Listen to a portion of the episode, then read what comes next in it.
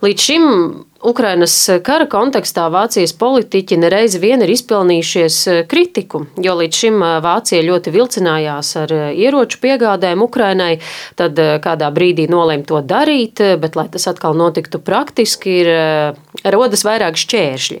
Un tā publiskā retorika no Vācijas liek domāt, ka visu laiku tiek meklēti attaisnojumi, lai Ukrainai pārlieku nepalīdzētu. Kāpēc Vācija šādi rīkojas, jeb nerīkojas? Bet, nu, pirmkārt, ir jāņem vērā Vācijas vēsturiskais mantojums, tas, ka, ka Vācija ir karojusi ar Krieviju, bet tam tādā iznīcinošā karā, kad Vācijas mērķis bija patiesībā Krieviju iznīcināt kā valsts un kā sabiedrību, tad otrajā pasaules karā. Vācija tur apzinājusies kā lielu kļūdu un šobrīd izjūt vēsturisko atbildību un vainas sajūtu pret Krieviju. To Vācijas sabiedrība nav un nebūs gatava iesaistīties tiešām otrā konfliktā ar Krieviju. Tas ir viens aspekts. Problēma šajā aspektā ir tā, ka, ka vācieši ir aizmirsuši par Ukraiņiem. Viņiem uzmanība fokusējas uz Krieviju, jo viņam bija tas, viņu vēsturiskajā atmiņā, Krievija bija tas lielais oponents, nevis Padomju Savienību, ne Ukraina, ne citas Padomju Savienības tautas, kuras tāpatās vācieši nīcināja tos pašus Baltkrievus arī diezgan pamatīgi. Bet, nu jā, nu, diemžēl, tā vēsturiskā atmiņā ir centrā ir Krievija, un tāpēc arī šis fokus uz Krieviju kā, kā valsts, ar, kur, ar kuru Vācija vairs nekad nekaros. Tas ir viens aspekts. Otrs aspekts ir Vācijas ekonomiskās, ekonomiskās intereses, ja Vācijas ekonomiskais modelis, kurš ir bijis ļoti veiksmīgs pēdējos 20, 30 gados, kas ir padarījis Vāciju par vienu no vadošajām eksporta valstīm pasaulē. Un tas lielā mērā ir noticis pateicoties Vācijas pie, pieejai lētiem Krievijas energoresursiem tā ir gan gāze un savā ziņā nafta. Un apvienojumā ar pašu Vācijas ekscelentajām inženiertehniskajām zinātnēm šī lēta resursa deva Vācijai nozīmīgu priekšrocību pasaules eksporta tirgos, ko mēs arī paši izjutām. Atsakoties no šīs zaudēt piekļuvu šiem lētiem resursiem, zaudēja jēgu vai šis līdzinājās Vācijas ekonomiskais modelis. Tur jāmeklē jauni risinājumi, jaunas iespējas, Un jā, jāatzīmē vēl tas, ka Vācija patiesībā ir ļoti sarežģīta ekonomisko pārmaiņu priekšā, jo viņas modelis, ekonomiskais modelis nav uzturams vairs ilgtermiņā.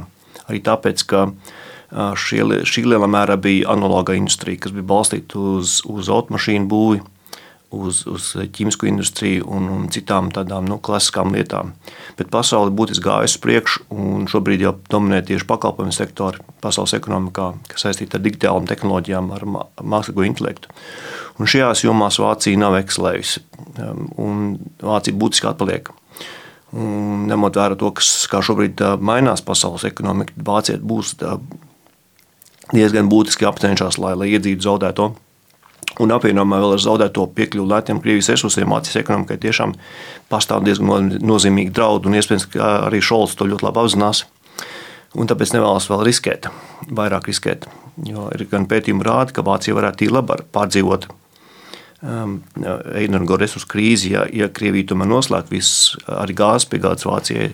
Taču Vācijas kanclers nu, nevēlas riskēt, jo saku, tur ir vairāk faktoru, kas um, pārklājās arī šī atpazīstība informācija tehnoloģijās un mākslīgā intelekta jomās. Tas viss apvienojumā ar, šo, ar šoku, kur radīta energoresursu pārāvums, piegāžu pārāvums, nu, tiešām rada milzīgs risks Vācijas ekonomikai. Mm.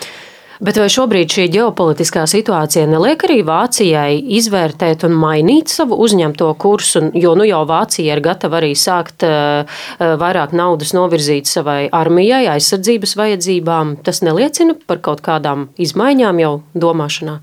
Jā, tiešām pārmaiņas notiek, un tās ir tiešām var teikt, pat teiktoniskas pārmaiņas, milzīgas pārmaiņas. Pirmkārt, jau tas, kāds bija pēdējo parlamentāro vēlēšanu rezultāts Vācijā, ka koalīcija veidoja. Koalīcija nonāca līdz šim pie varas nēsošas partijas. Nu, zaļie gan bijuši pie, pie, pie varas 90. gadu vidū, bet, bet nu, tādā kombinācijā, ka tur ir liberāli demokrāti, zaļie un, un sociāldemokrāti. Tad šis salikums jau pats par sevi ir, ir kaut kas jauns Vācijai. Un tad, attiecīgi, skatāmies, kāda ir tas politiskās nostādnes, tad zaļie un, un, un kristīgā demokrātija ir daudz uzstājīgāki par to, ka Vācija ir jāmaina savu, savu attieksmi pret, pret Krieviju šajā agresijas situācijā, ka ir nepieciešams piegādāt ieročus, un arī ka pārmaiņām Vācijas ekonomikā jābūt straujākām, ka ir jāatskās no tradicionāla korporatīvā modeļa, Un tie jāatzīmē, ka sociāldemokrāti ir viena no biznesam draudzīgākajām partijām pasaulē, jo elektorāts ir, ir vācu, vācu arotbiedrības strādājošie Vācijas industrijās. Tāpēc arī sociāldemokrāti ir tik ļoti sensitīvi gan pret eh, kādām pārmaiņām industrijā, struktūrālām pārmaiņām, gan arī pret, pret attiecību sarošanu ar Krieviju. Jo Krievija ir tomēr resursu piegādātājs, un tāpēc sociāldemokrāti ir ļoti, ļoti Es pieņemu, ka Šolcam ir milzīgs spiediens no viņa partijas biedriem neko nemainīt un neiziet uz asiem konfliktiem ar Krieviju, jo tur joprojām cilvēki cer, ka šim viņu skatījumā provinciālam konfliktam Eiropas nomalē atrisinoties, būs iespējams ātri atjaunot labas attiecības ar Krieviju un turpināt lētu, lētu, lētu resursu importu no, no šīs valsts. Tā kā jā, šis kopīgais modelis ir lielā mērā, jā, kas, kas nodrošina vēlētājs sociāldemokrātiem, bet tas vairs nav vairs zaļo vēlētājs un, un nav vairs ar liberālu demokrātu vēlētājs. Tā šo divu mazo partiju nokļūšana Vācijas koalīcijā ir jau būtisks solis priekš, lai kaut kādas pārmaiņas sāktos. Plus, vēl, protams, lielais lūzums, kas notika līdz pēc pāris nedēļas pēc, pēc kara izcelšanās Ukrajinā, kā arī Šolts piekrita sākt vispār kaut ko piegādāt. Ukrainai. Jā, kā redzam, tas notika ļoti lēni, ļoti grūti. Izrād, tur ir daudz loģistikas problēmas, kas izrādās ar to pašu Šveices gadījumu, kad Šveice atskās piedāvāt munīciju tankiem, kurus Vācija būtu, bijis, būtu vēlēsies nosūtīt uz Ukrajinu. Tad arī atklājās daudz, daudz vēl citas problēmas. Bet jā, pārmaiņas ir sākušās, viņas notiek, un Vācijā lielāka sabiedrības vairākums, nu, ne gan būtisks, bet tomēr vairākums atbalsta smagu ieroču piegādi Ukraiņai, kas ir ļoti būtisks jau solis uz priekšu. Vācijas sabiedrība, kur vienmēr izjūtas tādu kā vainu, kā jau minēju, bet Krievija te saka, ka nezinu, tom, tomēr tos ieročus vajag piegādāt, jo Krieviem nav šajā situācijā taisnība. Mums ir jāaizstāv Ukraina. Svarīgs arī vēl trešais aspekts ir lielvalsts simpātijas, līdzjūtība otrā lielvalstī.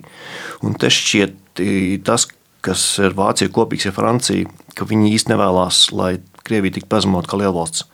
Jo viņām redzēt to, ka tiek pazemot Krievija kā liels, varētu būt diezgan šauš, šaušlīgi, jo viņas var izstrādāt ļoti labi, kas tad notiek viņām pašām, ja kaut kādas ģeopolitiskas pār, pārkārtojuma rezultātā ar viņas varētu tikt nostādīt šādā situācijā. Tad ir kaut kāda arī dabīga lielvalstu līdzjūšana citām lielvalstīm. Ja atgriežamies vēlreiz pie kritikas, ko Vācijā līdz šim ir saņēmusi par savu varbūt nepietiekamo iesaisti un palīdzību Ukrainai, arī mūsu valdībā ir atsevišķi ministri, kas ir diezgan asi kritizējuši un nosodījuši Vācijas nostāju.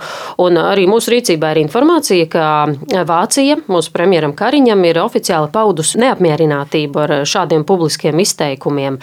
Ko tas mums varētu nozīmēt? Ja Vācija ir neapmierināta ar kritiku, kas izskan no kādiem latviešu politiķiem, tas nozīmē, ka mēs eh, nedrīkstētu paust savu viedokli par viņu politiku vai kā?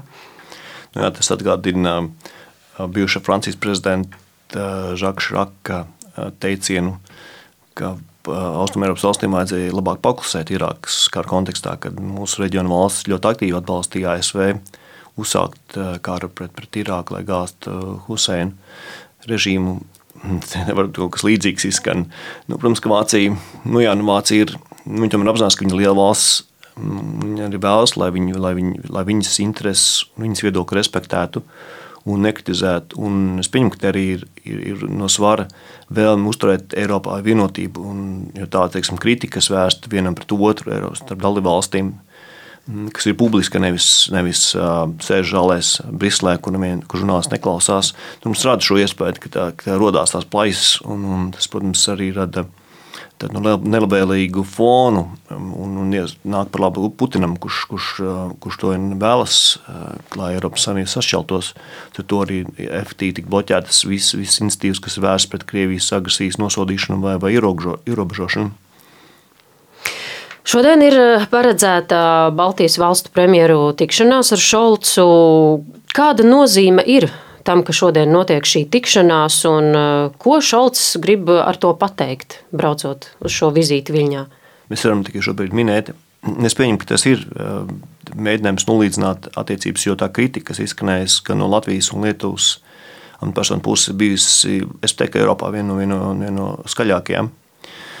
Un, ja, mēs paskatāmies arī, kas vairāk ir donējis uh, ieročus un, citas materiālus Ukraiņai, nu, tās ir Baltijas valstis, salīdzinot ar IKP, un, un mēs esam vairāk pasaules skaļos izdarījuši nekā, nekā Vācija ar savu lielo ekonomiku.